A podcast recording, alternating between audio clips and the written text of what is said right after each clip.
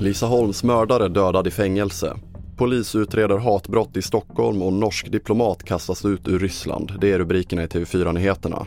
Men vi börjar med att mannen som mördade Lisa Holm, Nerius Bilevicius, ska ha blivit mördad i litauiskt fängelse, det rapporterar inhemska tidningen Reritas. Han ska ha blivit knivhuggen i halsen av en annan fånge och dog på väg till sjukhus. Nerius Bilevicius dömdes till livstidsfängelse 2017 för mordet på 17-åriga Lisa Holm och han satt en kort tid på anstalten i Norrtälje men utelämnades samma år till Litauen.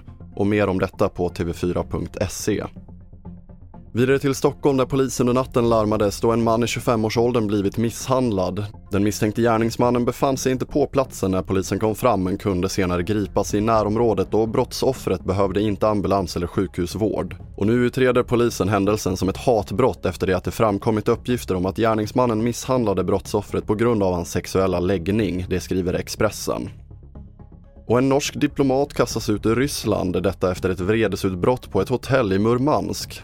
I videoupptagningar som ryska medier publicerat hörs kvinnan bland annat säga att hon hatar ryssar till hotellpersonalen och utrikesdepartementet i Oslo beklagar händelsen och bekräftar att ambassadören i Moskva fått besked av ryska myndigheter att kvinnans visum är indraget.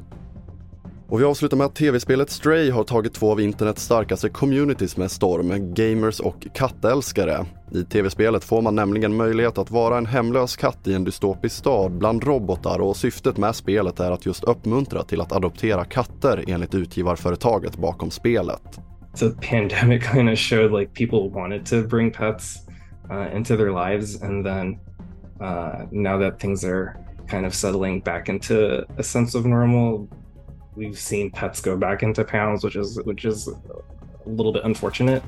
Um, so I think just bringing more awareness to it, and then finding that relate relatability with the video game itself, um, just kind of raises everything on, a collective level. Det sa Jeff Legaspi som är marknadschef på Annapurna Interactive. Fler nyheter hittar du på tv4.se. Jag heter André Meternan Persson.